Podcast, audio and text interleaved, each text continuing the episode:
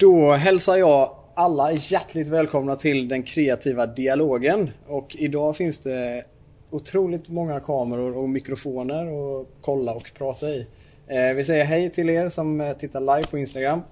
Vi säger hej till er som lyssnar på ljud och vi säger hej till er som tittar på de här två kameravinklarna på kanske LinkedIn eller liknande.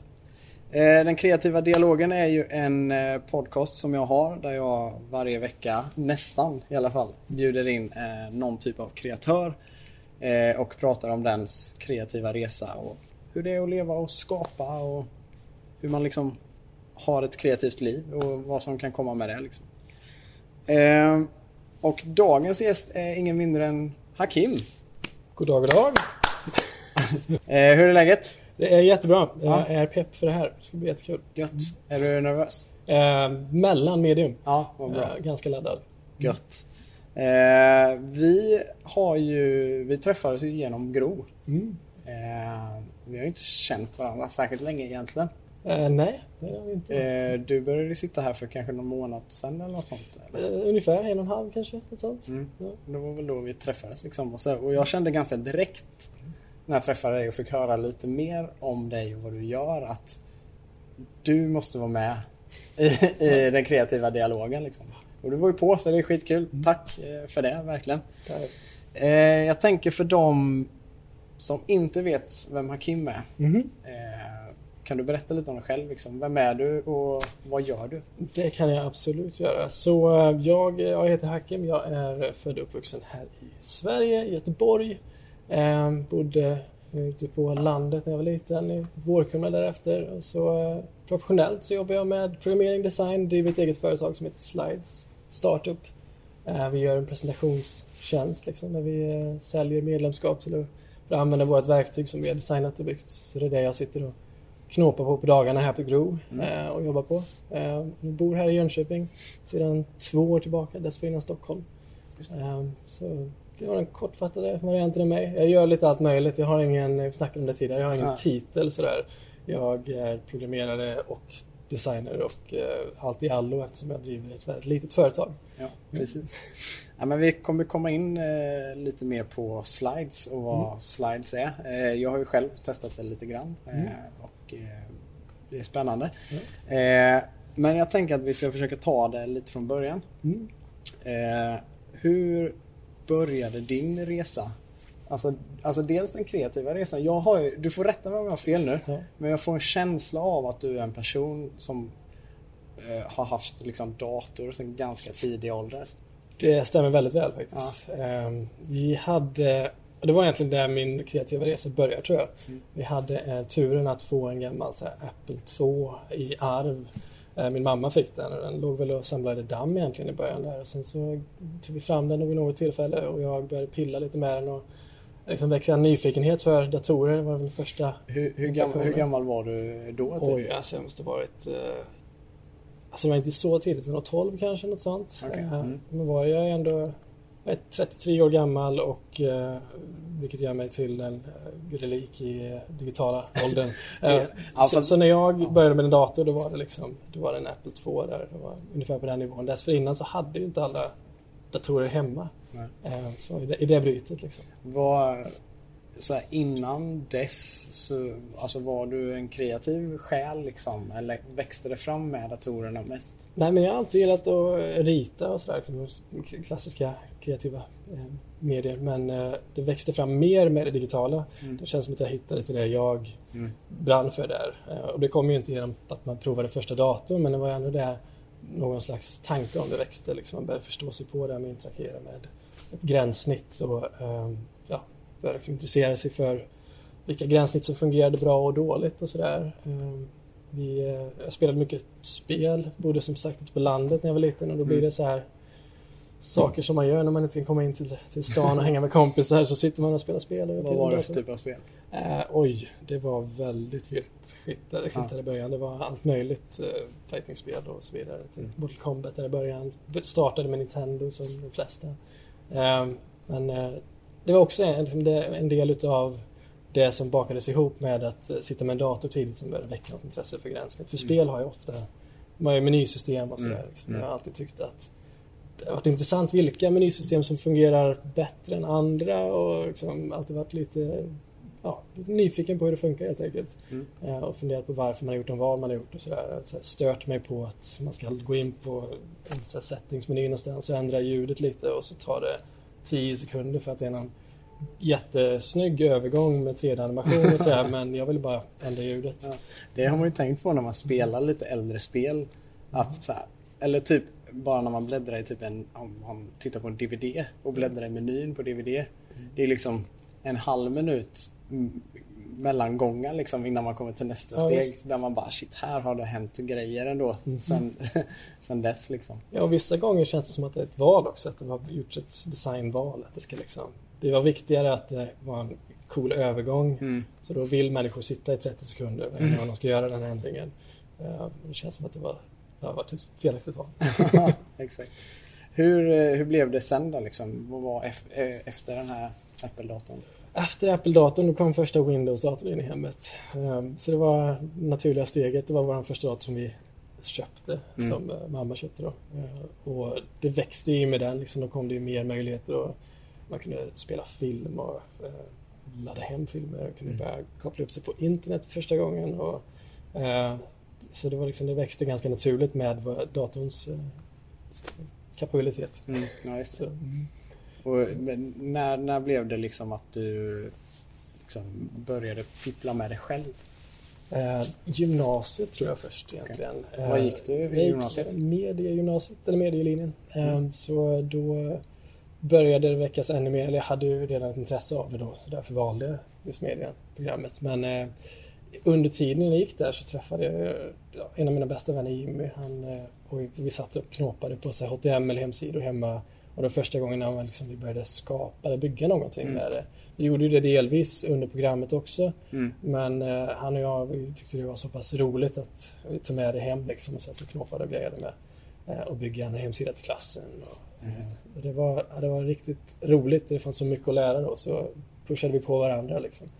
Eh, det Det känns ju som att du, du har ju varit med om det här att skriva i textdokument och sen döpt om det till .html liksom. Det var, det var på den nivån Ja. ja. Man satt och jobbade liksom med Photoshop och så designade man sin hemsida, sen sliceade man upp Mm. den, skickade över den till Dreamweaver och så Hela hemsidan var en stor bild i små slices Ja, och så gjorde de klickbara för att länka till en annan stor bild med olika slices. Så, ja, Jag, jag gjorde i början, så gjorde, då gjorde jag till och med designen i Paint. Mm. Och där kan man ju man kan inte slicea upp Nej. någonting utan du fick liksom ta den här klippa ur grejen Mm. och bara hoppas på att du matchade pixlarna rätt. Så Ja. typ alla menyer var ju helt Aj. skeva liksom. Ja. Men det, det Grymt oeffektivt också Ja, om man ska jätte- tänka på snabba hemsidor och sådär. Ja. Så, jättedåligt verkligen. Mm. Hur ehm, kände du under gymnasiet att, att, eh, att det var hemsidor och sånt och sådana här grejer som du ville jobba med liksom? Eller? Jo men eh, det kände jag någonstans. Jag visste nog inte riktigt vad det skulle bli för yrke utav det. Det var inte så här självklart webbutvecklare det jag ska göra. Men eh, jag kände ett intresse av att jobba vidare med det digitala i alla fall. Mm. Eh, jag gillade, vi jobbade mycket med animation och så på programmet också. Vi använde Director då. Vilket var ett sätt att bygga interaktiva upplevelser. Och då väcktes lite mer intresse för att kunna animera och skapa men lite rikare interak- interaktioner och sådär. För HTML just då som sagt det var en sida till en annan sida Mm. och du kunde designa pixlarna fint och sådär men det, det var verkligen bara länkar, hyperlänkar. Ja. Ehm, Så Director å andra sidan kunde man animera med och då väcktes något intresse för det så jag började upptäcka Flash istället. Okej. Flash som var liksom de facto sättet att göra lite rikare interaktiva upplevelser på internet just då. Mm. Eh, Så det var det jag ville vidare, gå vidare med gärna, Okej. Mm. eh, kände jag efter gymnasiet. Mm. Så, sen eh, sökte vi, jag sökte omkring lite olika skolor. Eh, s- landade i Eksjö faktiskt. Okej. Eh, vilket var lite överraskande kanske. Vi kollade på några olika, jag åkte runt med två andra vänner som var intresserade av liknande skolor. Då. Okej. Eh, så, så blev det Eksjö Interaktiva Akademin som jag gick vidare på där. Eh, yrkesutbildning. Ja. Hur många år var den? Två år, Okej. men jag gick aldrig färdigt. Nähä. Nej. Eh, Så vi... eh, Ja, jag var, tanken med att komma dit var ju att lära sig Flash då, det var det jag var så inställd på. Ja. Men under tiden som jag gick på skolan så ändrades inriktningen jättemycket på hela skolan egentligen. Så Okej. det skiftade fokus helt och hållet till video och postproduktion och sådär. Så under min tid där så var programmet, det var, det var väldigt mycket mindre utav det här eh, interaktiva digitala som jag trodde det skulle vara Mm. och mer utav det statiska animerade, eller Okej. inte statiska men film Mm. helt enkelt. Mm. Så eh, det, det var mycket att lära där också men det var inte det jag ville lära. Nej. Eh, Men jag var så inne på, på det jag ville lära ändå så Ja. jag bestämde mig för att som jagade på, på egen tid. Okej. Och, eh, ja, köpte hem någon stor så här, action script Flash Bibel och på typ 2000 sidor och bläddrade igenom och grejade med. Eh, och de på skolan de var schyssta med det också. De lät mig eh, anpassa uppgifterna projektet lite och göra Okej. något lite mer interaktivt av det och sådär. Vi byggde någon sida till skolan istället för att göra något, något av andra projekten och sådär. Okej. Ehm, så det var bra. Det var, Men, men du hoppade av liksom? Eller fick Ja, du bara liksom alltså- anpassa utbildningen lite? Eller? Nej, jag hoppade av utan ett färdigt betyg, betyg det sista sen. Okej. Eh, Jag fick, vi hade praktik där sist, det var en yrkesutbildning så det var ganska mycket praktik. Mm. Eh, Först hade vi en kortare runda med praktik och sen den andra gången så fick jag en praktikplats på mitt drömjobb eh, som var Fantasy Interactive i Stockholm, en byrå som bygger hemsidor och sådär men de var liksom top of the line på Flash. De var så bra på animationer och animera eh, värld, på världsnivå liksom. Det Mm. var de och typ en, en firma till som heter Too Advanced. Eh, De två var de som, som gällde när det kom till så här bra, interaktiva, rika eh, hemsidor. Hur, alltså, fick du söka in då med saker som du hade gjort? Eh, Eller hur funkade den praktikprocessen? Liksom? Eller? Jo, men det gjorde jag. Mm. Eh, under tiden jag gick i skolan så la jag alltså upp, eh, ja, vad la jag upp? Kanske typ sju nya portfoliosidor. Jag satt under ett och ett halvt års period och bara byggde om min egna hemsida om igen för att hela tiden lära mig någonting nytt. Ja. Så när jag skickade in det, mina arbetsprover var egentligen väldigt lite saker från skolan och mer eh, mina egna hemsidor som jag hade byggt och sådär. Mm. Och så såg de väl någon glimt av att det skulle kunna ja, gå att göra någonting med det, det jag kunde. Liksom. Jag hade ingen vidare... Jag har fått lära mig själv helt enkelt. Mm. Och då har man missat ganska mycket i här, eh, det man skulle ha lärt sig i skola som ut, eh, utbildade i Flash och programmering och sådär. Så jag är väldigt tacksam över att jag fick den platsen. Mm. Jag skulle varit där i tre månader på praktik men så Okej. fick jag ett jobberbjudande efter typ två veckor och sen så På det stället? på det stället så Okej. sa jag ja, tack och hej till skolan. Ja. Hur, hur var det att få det erbjudandet efter, vad sa du, efter två veckor? Ja. Oj. Så det var, ja, det var jättestort. Alltså. Ja. Då visste jag nämligen inte. Det kändes som att jag hade ingen aning om vad som skulle ske sen. Man blev, blir bara nervösare och nervösare. Det är närmare i slutet på skolan. Ja. Och så bara, vad ska jag göra sen? Vart tar jag vägen? Ja, Jag har ingen aning. Nej. Och så, att den här möjligheten dök upp då, det var en sån himla lättnad. Plus som sagt att jag har följt det här företaget liksom, och, drömt om att få jobba just där. Ja. Eh, och grymt tacksam för den möjligheten. För det var, ja, man behöver ju få en sån öppning eh, Mm. i yrkeslivet. Liksom. Om Mm. du inte har någon som öppnar dörren och ser någon potential och låter dig börja arbeta så kommer det aldrig komma, blir det aldrig någon start. Nej, Så det var eh, tacksam för det och liksom, ha med det i bagaget men tänker på andra också. Så här, jag hoppas på att öppna likna, liknande möjligheter för andra. Mm. Vad gött. Vad fick du göra? Det var mest Flash då liksom? Det var uteslutande Bara. 100% Flash i, i tre år Okej. kanske Mm. där innan. Jag gick över till någonting annat. Ja, så jag körde, körde på med eh, Flash. Fick lära mig jättemycket från de andra duktiga Flash-utvecklarna där. Och, eh, så bara liksom, alltså, lärningskurvan var Mm. så här i Det kan man ju känna. Alltså, att skolan kan ju lära en, en viss del. Men sen verkligen när man kommer ut och får göra saker på riktigt. Mhm. Det då, då får man verkligen lära sig liksom.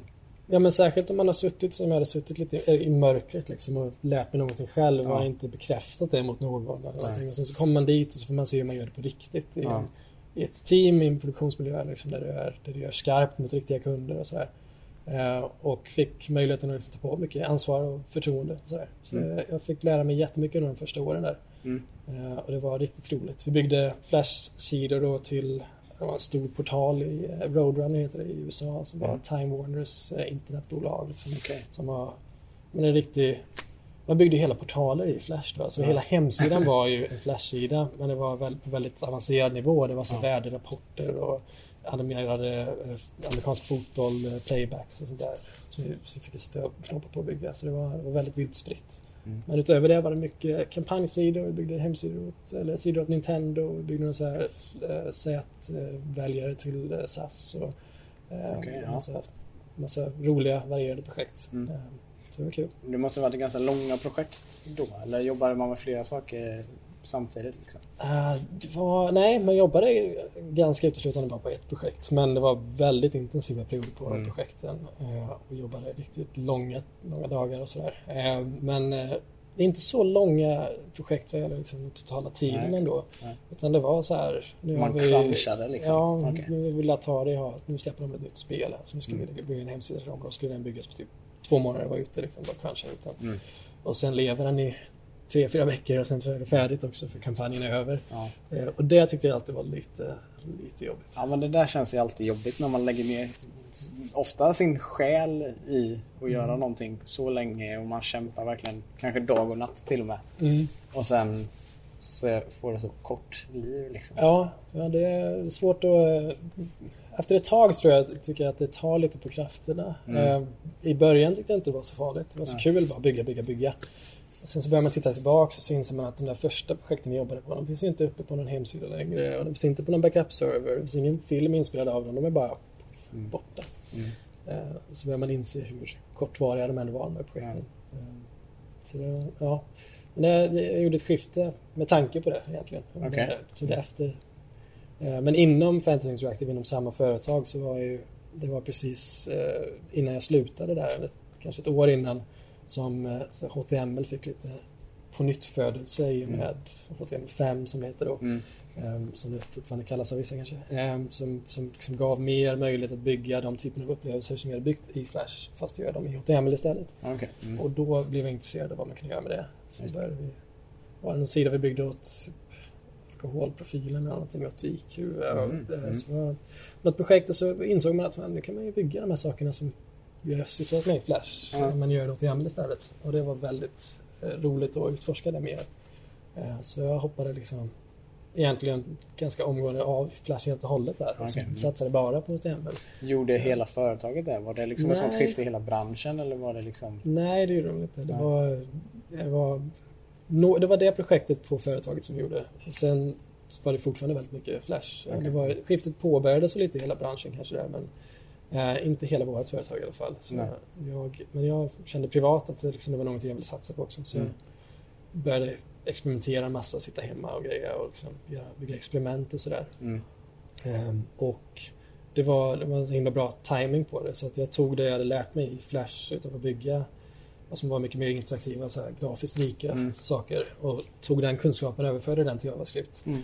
Och började då bygga saker som de som jobbade i HTML eller JavaScript just då inte eh, hade sett innan. Liksom. Och det var, det var väldigt kul att få ta, ta det bagaget, den kunskapen man hade och använda det i ett annat språk i en annan miljö och så få liksom, ge lite wow, wow-effekt till mm. de som såg de experimenten. Så blev det lite reaktioner, man byggde något, någon eh, animation sådär eh, och det reagerades på, folk tyckte om det och så började man liksom märka av att eh, det fanns någon slags respons på det. Hur, hur, så, hur delar du det? För du, jag vet ju att du är en Twitter-kille liksom. Det, det var mycket Twitter då också eller? Uh, ja, det var Twitter från början. Ja.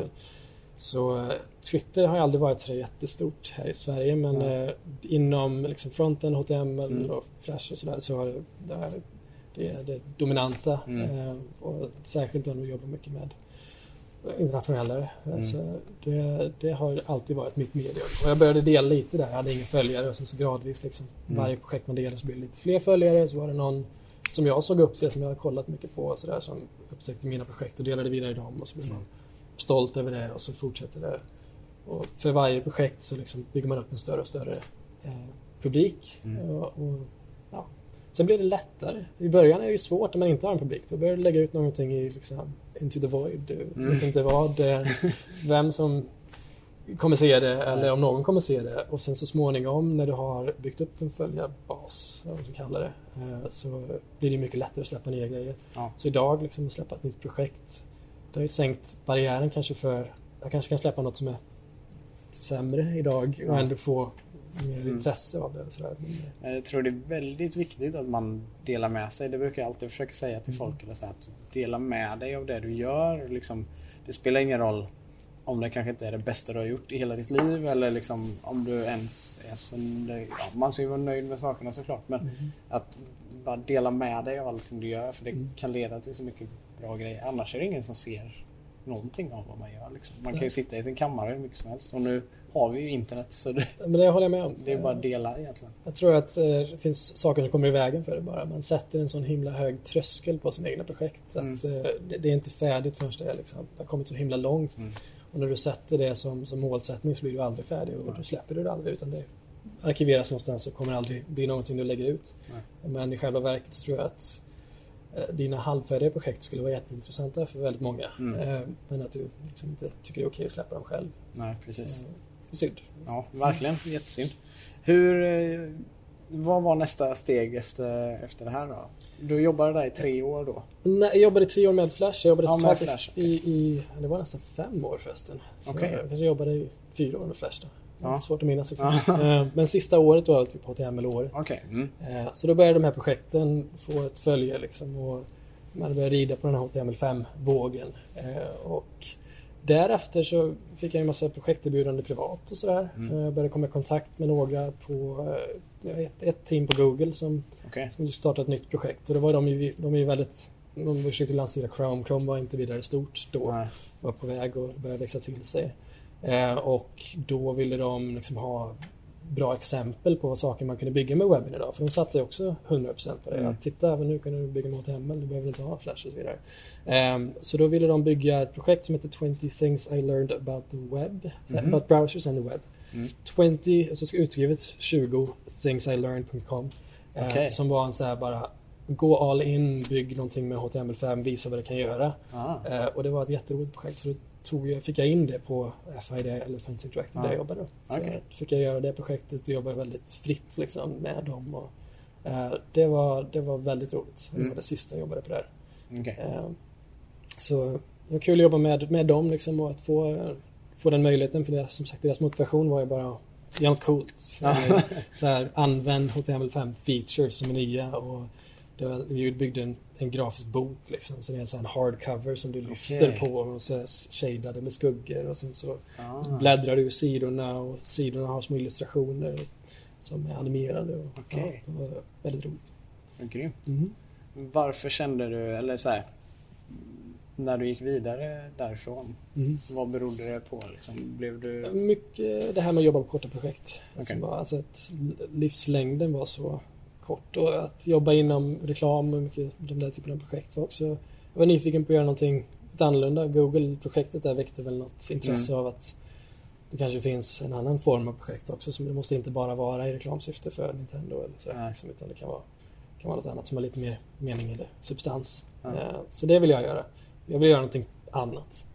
Eh, Sen har jag varit intresserad av att flytta och bo utomlands lite och sådär så jag hade lite det eh, som målsättning också kanske. Eh, Trodde först att jag skulle flytta inom samma företag Mm. utomlands kanske och Mm. prova det. Men Hade det de olika inte. kontor eller? Ja, de hade kontor i New York och i San Francisco hade de redan Okej. då också tror jag. Mm.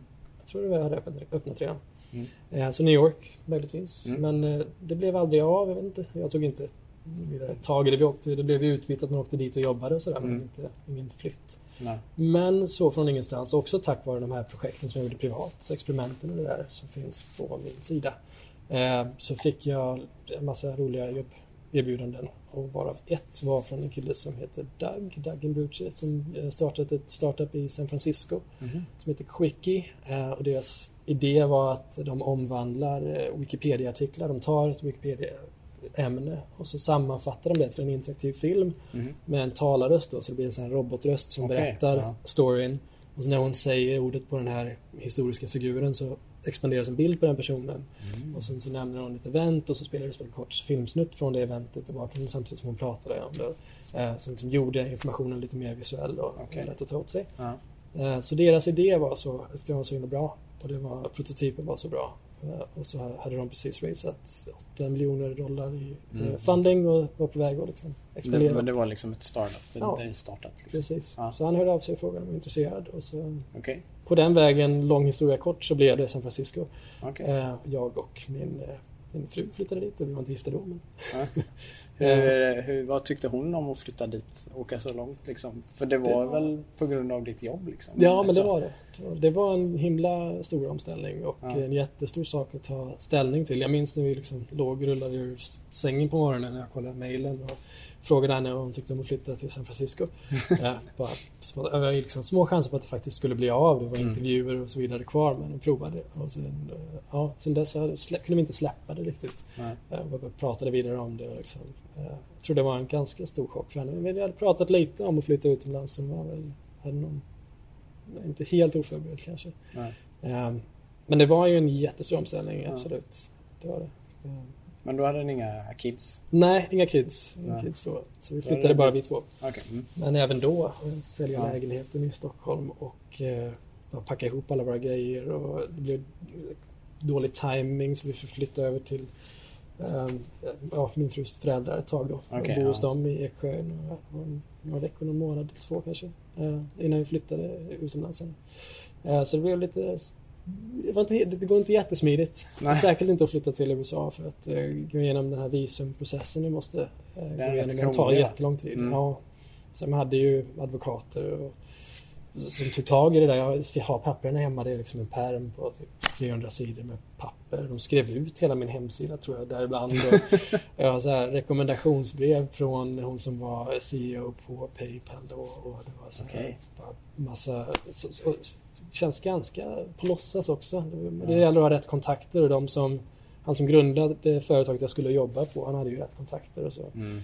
Skrev de på rekommendationsbrev och så vidare så jag kunde få det här visumet. Okay, ja. så det, men det tog ett tag. Mm. Mm. Hur, hur var det då att komma till USA? Liksom? Eh, det var jättespännande. Alltså första gången jag var där på intervju, jag var väl där i tre dagar kanske och intervjuade okay, ja, innan när vi flyttade. Mm. Var det eh, Skype-intervjuer och, sånt innan det? Nej, det var i person okay. direkt. Jag pratade på telefon men okay. annars var det i person direkt. Och det var, det var nervöst. Men sen vi flyttade då var man lite mer eh, förberedd. Men, ah, vi fick bo i en lite småskum Airbnb där i början och liksom i lägenhetsjakten. Allting känns lite, allting känns så nytt och främmande. Mm. Man känner sig så himla liten när man är på ny plats sådär. Eh, och efter ett tag, men så fort man har en, en fast punkt, en lägenhet, en, mm. bo, bostad, då går det mycket bättre tycker jag. Då har man någonstans som man drar sig tillbaka. Liksom. Då mm. känns hela staden mycket mer som hemma än vad det gjorde innan. Mm. Um, så, men det var, det var väldigt spännande, jättemycket nytt och väldigt roligt. Och, um, även arbetsmässigt känner jag mig väldigt liten. Liksom. Jag har jobbat på ett företag i, i hela mitt arbetsliv, då, fem mm. år. Och sen kommer man över i San Francisco och ska jobba är ett helt annat team, en helt annan typ av företag och leverera och liksom visa att man kan leva upp till, ja, till vad man nu ska göra där. Hur är liksom eh, arbetskulturen där? För man får ju intryck av att det är mycket högre press och det är liksom ja. man jobbar länge liksom eller så här. Är det som man tror att det är? Det är det. Det är jätteintensivt och väldigt höga förväntningar och alltså särskilt tid tror jag. Om man mm. kommer från en svensk eh, arbetsplats så, så tycker man att man har rätt att vara ledig på helger och sådär. Och mm. kvällar ska man inte jobba klart. Men eh, det, det är ju helt annan kultur där liksom. Mm. Om du, chefen hör av sig på, sent på fredagskvällen så kanske du jobbar på lördag och söndag också för att du ska mm. leverera någonting till på måndagen. Um, så det är jättehöga förväntningar. Men också betydligt högre kompensation och sådär. Så det var ju mm. en avvägning. Liksom. Mm. Eh, du får en del, det går ut mycket på att man ska ha equity eller en, del, en procentandel i företaget. Eh, och därmed så är du investerad i företaget mm. och vill att det ska lyckas. Mm. det är den, samma modell som de har kört på ganska länge mm. i startvärlden. Liksom. Hur, hur var um, quick, Quickie då? Alltså, hur länge var du där? Liksom? Jag var där i två år, lite mer än två år. Okay. Så vi genomgick ganska många olika för, förvandlingar, ska jag säga. Så här pivot som det heter när man byter inriktning på företaget. Okay. Ehm, så vi började ju som det här jag beskrev innan med uh, Wikipedia, interaktiva filmer och slutade väl som någon slags social media okay. filmredigeringsgrej. Mm -hmm. så jag vet inte. Det, jag, tappade, jag tappade intresset av dem framåt slutet. Mm. I ärlighetens namn. För att det var mm. inte det jag signade upp för i början som jag tyckte var roligt. Och det kände ju de flesta då. Mm. Men då började det mer handla om vilken exit det skulle bli och hur det skulle säljas. Och sådär. Okay, ja. uh, så i början, men det alltid, var alltid ett väldigt skönt team och jag tycker när man jobbar sådär väldigt långa dagar och väldigt hårt eh, så klart det blir sura miner mot cheferna. Men eh, det skapar väldigt starka band mellan de som jobbar ihop också. Hur stort var teamet? Eh, I början var vi nog, eller som högst kanske vi var 15-16 någonstans. Okej. Framåt slutet 10. Mm. Sånt där innan det såldes. Det allra sista så slutade vi några till. Mm. Eh, precis innan det såldes. Så köptes det av Yahoo för så här, jag vet inte, strax under 40 miljoner dollar tror jag. Så det Mm. var ju en lyckad utgång Ja, för, det- för grundarna. Men eh, jag vet inte. Vad, men du har inte sett något mer? Vad gjorde Yahoo med det här sen? Ingenting. Ingenting? Nej, de satt ju där på sina eh, jättefina kontrakt och tjänade pengar. De fick sin liksom, köpesumman och sen satt de på Yahoo i två år på såna, vad som kallas för golden handcuffs. Där man liksom, Ja. Du måste vara kvar i två år innan du kan eh, få ut en stor del av eh, vinsten du skulle få. Då. Men under den tiden sitter man ju på en välavlönat techjobb i, i New York. Eh, Ja, då hade flyttat till New York också, glömde jag nämna. Jaha, okej. Så Quick i, i San Francisco eh, bestämde sig för att grundaren var ifrån New York. Ja. Och han saknade väl så pass att han flyttade hela företaget till New York. Smidigt Eh, ändå. Ja, och delvis för att vi ändrade inriktning på det då. Mm. Så det handlade mer om, det blev mindre ett teknikföretag och mer ett här, publicationsföretag. Och då, eh, mode och nyheter och allting finns ju i Ja.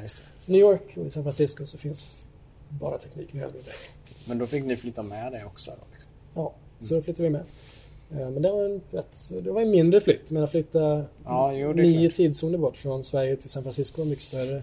Och då flyttade vi ju alla där med våra ja, med nyblivna vänner där liksom, i San Francisco och sådär. Så det var lite var lättare att göra ihop kändes det som. Ja. Hur var det liksom i början? Att, för jag kan tänka mig att ni inte kände typ så många... Nej, ingen alls. Men det fanns en annan svensk företag som var väldigt roligt. Eh, Rasmus där. Så det var liksom... Och jag minns den här intervjudagen när jag kom till Quick. Det var så jäkla... Så mycket press liksom. Mm. Man bygger ju upp så mycket. Jag har flugit dit med, man bor på ett fint hotell och man ska gå dit på intervjuer en hel dag och så var det back to back åtta intervjuer tror jag. Ja. Och så kom en hans sist. Eh, så tog han ut mig på en öl på närmsta baren. Och det var så bra. Så tack Rasmus om du var där. jag. vet inte, jag kan kanske är med här nästa. Ja men vad, vad gött ändå att Mhm. kunna hitta. Men så här, Men eh, var det svårt att hitta amerikanska vänner liksom? Eller? så jag tycker alla var väldigt öppna. Jag Ja. tycker det är lättare där än hemma ärligt talat att skaffa en ny relation och sådär. För att alla Många av de som jobbade där hade ju inte så djupa kontakter just i San Francisco. Det var många som hade flyttat dit. Mm. Eh, och då har man inte så hög... Liksom, alla är på jakt efter nya Ja, vänskaper. Eh, och det tycker jag hjälper verkligen. Plus, ja, bara kultur tror jag är lite annorlunda. Man är mer öppen, i alla fall till ytliga kontakter. Sådär. Mm, mm. Eh, sen skaffade vi liksom några riktigt goda vänner som vi fortfarande träffas. Och, Mm. även han jag startade Slides med, Okej. eh, Owen, han och hans fru blev ju eh, liksom goda vänner till både mig och Maria. Och så vidare. Jobbade han också på Quickie? Japp, han Okej. var eh, Director of Engineering, så första anställda på företaget. Okej. Eh, Så han eh, och jag blev jättegoda vänner. Vi gjorde massa så här, utflykter till, runt om i San Francisco och Mm. Kalifornien. Så det, för, ja, det är många år tillbaka nu, åtta Mm. år sedan. Så att, så, ja, väldigt tacksam för. Men Mm. också andra vänner. Jag, jag rekryterade några till företaget och sådär. Så, så en kille, Tim Hoven, kom från Australien. Liksom. Jag bara följt honom på Twitter.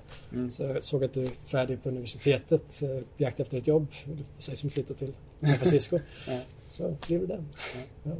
Hur, var, um, hur var New York då? Eh, New York var ja, riktigt bra. Vi bodde ju där mestadels. Vi bodde Mm. bara i sju månader, kanske åtta månader, något sånt där i, i, Okej. i San Francisco. Sen flyttade vi så bodde vi i totalt ja, men typ två och ett halvt år, eh, lite mindre kanske, i New York. Och New York var vår personliga favorit. Ja. Eh, mycket mer liksom energi på ett sätt. San Francisco är lite sömnigt. eh, Lite, eh, har inte samma drivkraft kanske alla gånger och det är väldigt, som sagt, väldigt bara tech som gäller.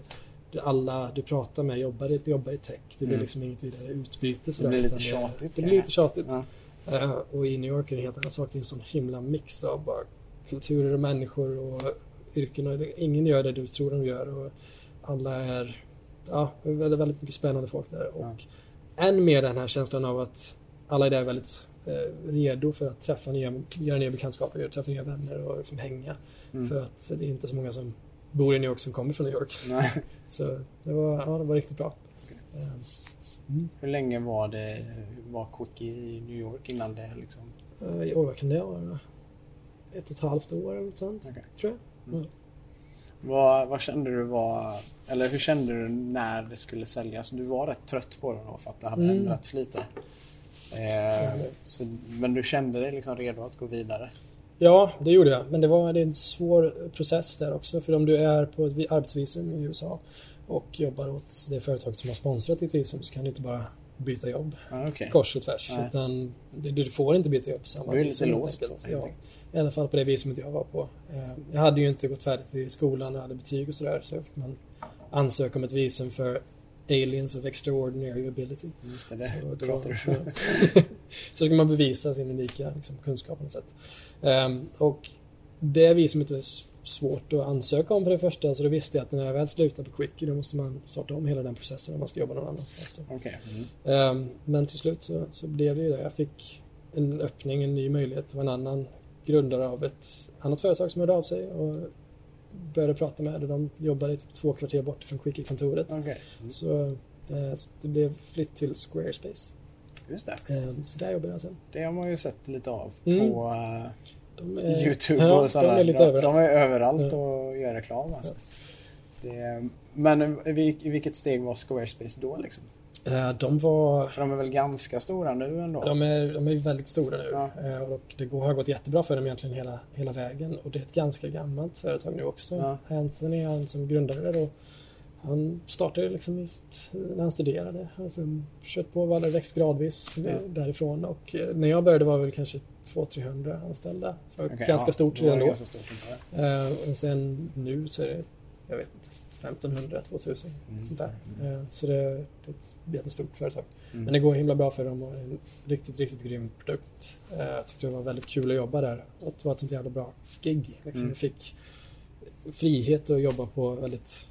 Jag har väldigt mycket direkt, direkt kontakt med honom. Anthony då. Det var Okej, som att man kunde liksom förstå varandra. För att han Mm. själv var utvecklare slash designer och Mm. byggt sitt egna, sin egna plattform själv. Han jobbade ju själv på det. Byggde sin egna hemsida liksom designade plattform. Och sen därifrån fick jag, ja, fick jag ett utbyte med honom. Okej. Och han, jag kände mig kopplad väldigt mycket.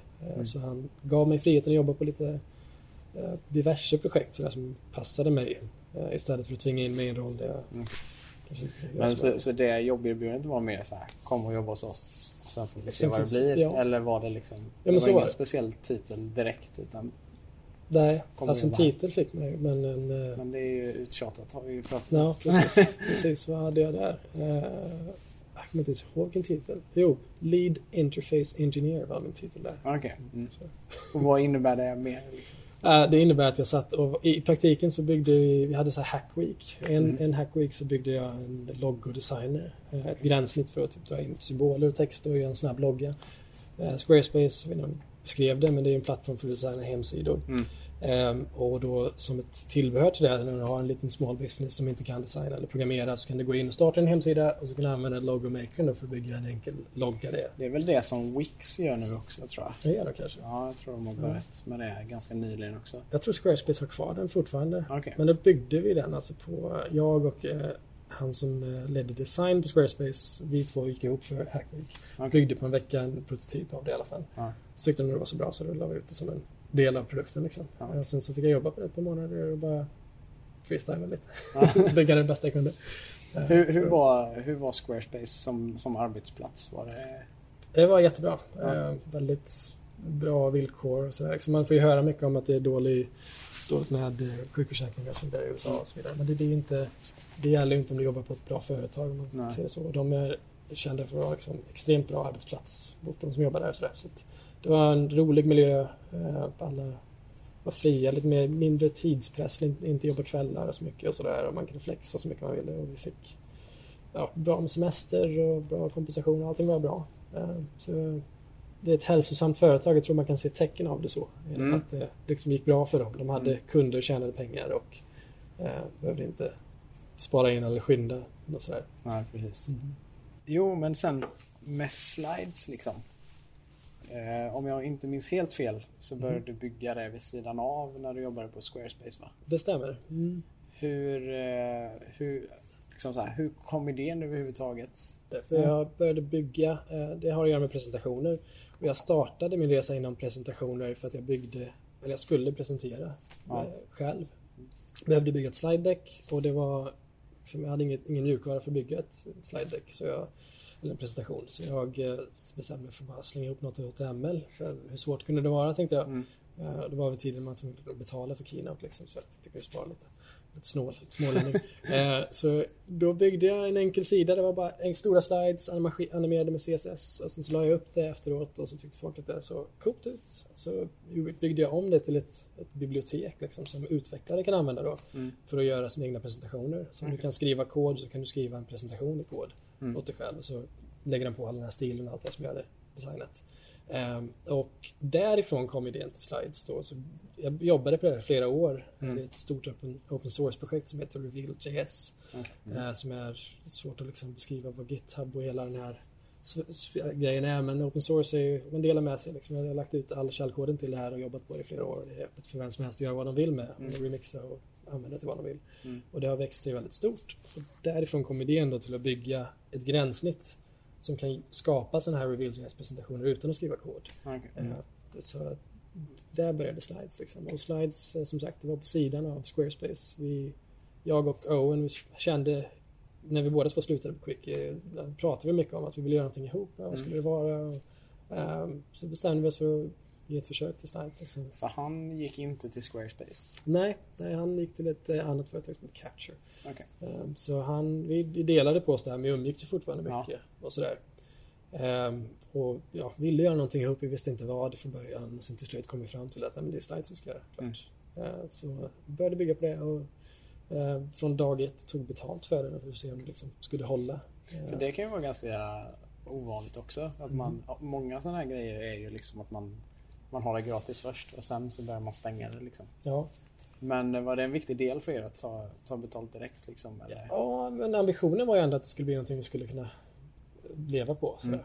Mm. Eh, och då det, det funkar ju inte om du... Jag vet inte, jag tror det är lite bakvänt att börja gratis och sen ta betalt. Och då får du väldigt, många väldigt, företag har visat exempel på det. Svårt att ta betalt och ingen som är redo att betala för att Nej. du känns som en gratisprodukt redan. Mm. Ehm, Så vi kände att det var viktigt att göra det från början för att bevisa att det faktiskt var något som funkade. Ehm, Och sen, jag menar, vi tycker det är kul att bygga projekt men det var ändå, vi ville göra det för att tjäna pengar på det.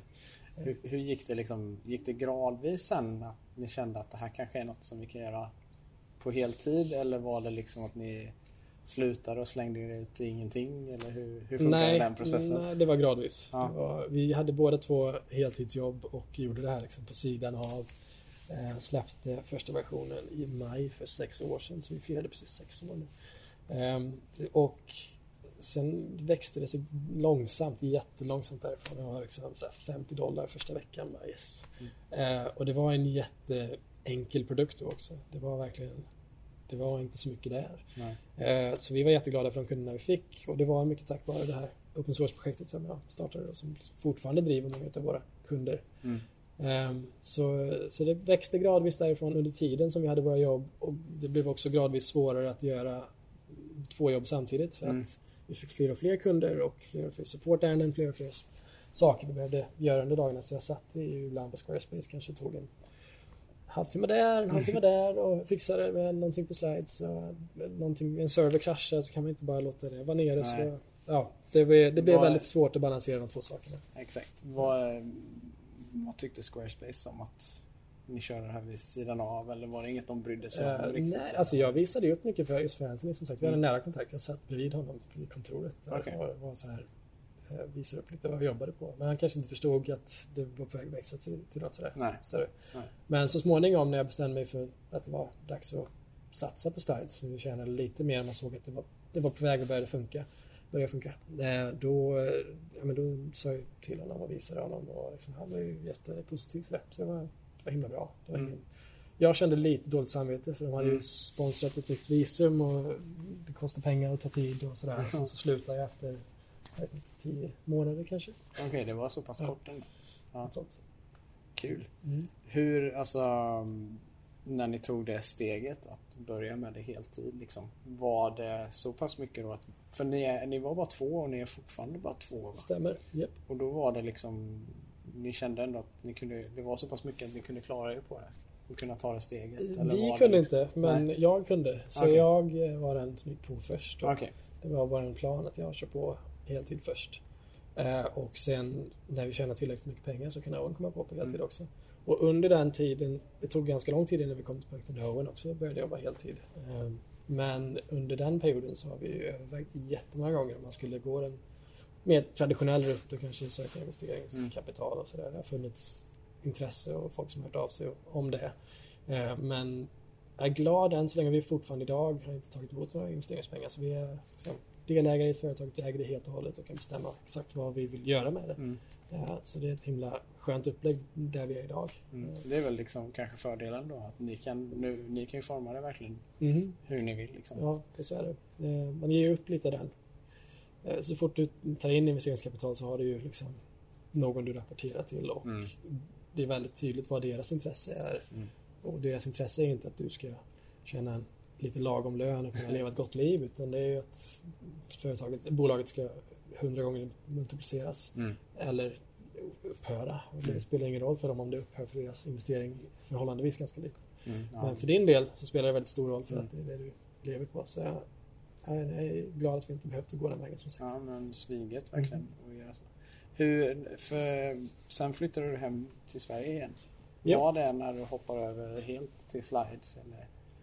Ehm, ja, det var det. det var, För då hade du inget vis, arbetsvisum längre, Nej, va? precis. Så fort jag slutade på Squarespace tror jag hade typ en vecka eller två på mig att lämna landet. Mm. Eh, Så att eh, jag tajmade det med, eh, jag menar, det var inte sådär dagen jag upp mig så slutade jag. Men eh, vi sålde alla våra grejer, eh, ebayade och, nej vänta, vad heter det nu igen? Eh, ah, det är typ deras Blocket, eh, Craigslist. Ja. Craigslistade. Så det kom människor med någon van och liksom bara, ja men jag kan ta den här, jag kan ta den där. Gav bort jättemycket och eh, sen, sen stack vi. Flyttade vi hem. Eh, och bara hemma ett kort tag och så tog vi en längre resa emellan också. Vi ändå inte hade lägenhet eller någonting. Så, eh, och sen därifrån, därifrån och därefter så har jag kört heltid på slides. Och vi flyttade hem och startade familj här i Sverige och liksom har slått oss ner. Mm. Så så där, är- där, där är vi nu. Okej. Vi flyttade till Stockholm då först. Så Mm. inte till Jönköping raka vägen. Vad var det med Jönköping då? Lockade? Eh, familj mestadels. Mm. Eh, vi är ju, alltså jag gillar Stockholm men vi har alltid varit så här, ur vägen för alla. Mm. Eh, min familj finns i, i Falköping och eh, min syster bor här i Jönköping. Marias familj är i Eksjö. Eh, min pappa är i Göteborg. Mm. Så det, är, det här blir en mycket bättre Mm. knutpunkt än att vara uppe i Stockholm där Mm. man kan träffa alla så sällan. Särskilt med tanke på att vi skulle eh, ja, starta familj själva. Och Mm. har två små tjejer hemma och det är verkligen skönt att ha familjen nära och, och sådär. Så, och hus också var en stor del av det. Ja. Att eh, köpa hus i Stockholm är inte på kartan. Eh, så det var flytt till, till Jönköping för att få lite mer yta och sådär. Ja, just det. Mm. Du, du är välkommen hit. Ja, tack, tack, tack. Eh, hur många användare är det i slides nu? Vi gick precis förbi en miljon sign-ups. Så Det är ju riktigt bra. Alltså. Mm, det är jättebra. Det är ju, vi har ju gratiskonton också. Ja. Så det är inte en miljon betalande kunder för i sådana fall. Det är himla bra. Ja. Men, eh, nej, Då kanske du har bott i Stockholm? Mm, då kanske jag bott i Stockholm. Ett palats. Ja. Liten egen ö någonstans. ja, exakt. Eh, nej, men så vi har eh, nog med betalande kunder för att liksom kunna gå runt och eh, eh, en miljon totala sign-ups. Så det finns gratiskonton med lite begränsningar. Mm. Eh, så så det, det har gått himla bra. Eh, det har inte varit så här hockeystick bara så är vi så här good for life. Men eh, det fortsätter att gå bättre och bättre och vi jobbar och vi driver på det. Eh, och vi har ingen sån eld i baken för att det, vi har ju en, en subscription-modell liksom. Mm. Så vi tjänar pengar månadsvis och eh, jag säga subscription så låter lite svengelska här. Eh, eh, Ja. prenumerationsmodell. Exakt. Ehm, så det är ganska trevligt för att då vet du månads efter månad ungefär vad det kommer landa på. Det är inga Mm. sådana här jättefluktuationer. Nej. Ehm, så det, det tycker jag om. Det, då ser du också när det går uppåt. Mm. Liksom, ja, varje, varje ny kund du skaffar bygger på på den här, Mm. den här högen. Så vi jobbar på och försöker växa och växa. Eh, gradvis. Men det är fortfarande, det är fortfarande så himla roligt med att bygga på det. Bara. Så Mm. Jag är så glad över att få sitta och jobba på det här på, på heltid. Liksom vidareutveckla det. Det är som att som sagt, nu har vi hus och håller på att renovera på här. Det är lite samma sak med att bygga Ja. sitt egna företag. Och jag älskar, jag alltid älskat hantverket är att programmera och designa. Eh, mer än, jag har aldrig velat bli en, så här, en manager, liksom, en Nej. CEO någonstans som har massa människor som gör det jag tycker är roligt åt mig. Jag, jag vill ju sitta och programmera och designa själv. Eh, och det får jag verkligen göra nu. Och nu får jag göra det på ett sätt där jag själv bestämmer vad jag ska bygga och hur det ska se ut och hur det ska fungera. Och Får ni in mycket requests om liksom, önskningar på vad som ska vara till? Och liksom, eller hur tar ni de besluten? Eller kör ni bara helt vad ni känner? Ja, vi får in väldigt mycket requests och input och sådär. Vi har ett öppet forum där man kan rösta på idéer. Och Okay, ja. Du kan submitta en idé så kan andra rösta på den så det sköter sig själv lite. Eh, vi, så vi följer och lyssnar jättemycket på det. Men, eh, och det har varit väldigt tydligt vilka grejer vi har saknat. Nu börjar det bli lite mer valfrihet i eh, vad vi vill göra. Men jag har alltid tyckt att det är viktigt att eh, även göra saker som inte matchar liksom, Mm. planen alla gånger. Mm. Jag jag kan ta här, fyra dagar till att animera någon liten meny någonstans bara för att jag tycker det är roligt att göra det och det håller kvar liksom intresset i jobbet. Mm. Om jag bara skulle göra de sakerna som måste göras eller som är mest logiska att göra med slides så tror jag jag skulle börja tröttna på det fortare. Mm. Eh, Det vi borde göra nu det kanske är marknadsföra och jobba på våra så här reklamfunnels och mm, jag vet, bara saker jag inte är intresserad av. Eh, Så jag försöker göra, bolla lite sånt men också lägga in saker som jag, som jag tycker är roliga att jobba på fortfarande. Mm. eh, För att hålla det. Ja, hålla men om, det, om det ska hålla i längden för dig liksom, Mhm. så är det ju rätt viktigt att göra, Mm, ta jag. de grejerna också. Liksom. Mm. Det märker jag ju själv också. Liksom när man sitter och jobbar mycket med kanske kunder och sånt som kanske inte alltid är det roligaste. Mm. Hur viktigt det är att ta pauser och göra något för sig själv. Liksom. Ja. Det är alldeles, man tar väl alldeles för lite tid till sånt egentligen. Liksom. För det är för mycket måste, men det är rätt viktigt. ja, absolut. Eh, jag brukar ju alltid fråga mina gäster så här framåt slutet eh, om de har något tips eller någon typ av utmaning för de som tittar och lyssnar för den kommande veckan. Liksom. Okej. Någonting som man kanske kan ta med sig. Mhm. Sätt att tänka eller, eller rent av en utmaning med någonting som man kanske ska göra för att liksom, utvecklas som person och kreatör under den Okej. kommande veckan. Liksom. Alltså en utmaning, det var, det var en svår en. Eh, Tips kan jag säkert komma med. Men, eh, Ja, men vi kan absolut köra tips. Mhm. Det, Ehm, nej, men jag har, jag har presenterat och talat en del om så här, om, eh, mycket om det här med sidoprojekt och jobba på egna, egna saker Mm. eh, som jag har gjort väldigt mycket själv. Kanske väldigt, lite mindre nu när man har mer vuxen saker igång i livet, med små barnhus. Men eh, ehm, jag tycker att, att tillåta sig liksom den här friheten, att få vara helt kreativt fri och inte bara jobba med, för, i alla fall för de som kombinerar hobby och arbete. Liksom. Min, Mm. min hobby är programmering och design. Jag vill göra det på sidan av jobbet också. Jag har alltid velat göra det. Eh, och då tycker jag det är väldigt viktigt att tillåta sig att jag går, liksom, gå fri ibland och bara Mm. bygga någonting eh, spontant och få se vart det leder. Eh, jag tycker personligen att det kan bli jättebegränsande att ha den här planen på vad du ska bygga. Och det, har du en plan då har du liksom satt upp dig själv för, för att misslyckas någonstans. Mm. Eh, Du tänker att du ska bygga exakt den här saken så sätter du dig ner och börjar bygga den saken så blir det inte exakt så. Och då är det redan liksom fel Mm. någonstans. Och det, det rimmar inte så bra för mig när jag jobbar. Så när jag bygger någonting på slides, eller när jag bygger någonting, slides är ju mitt egna projekt nu som jag kan göra det hela Ja. dagarna.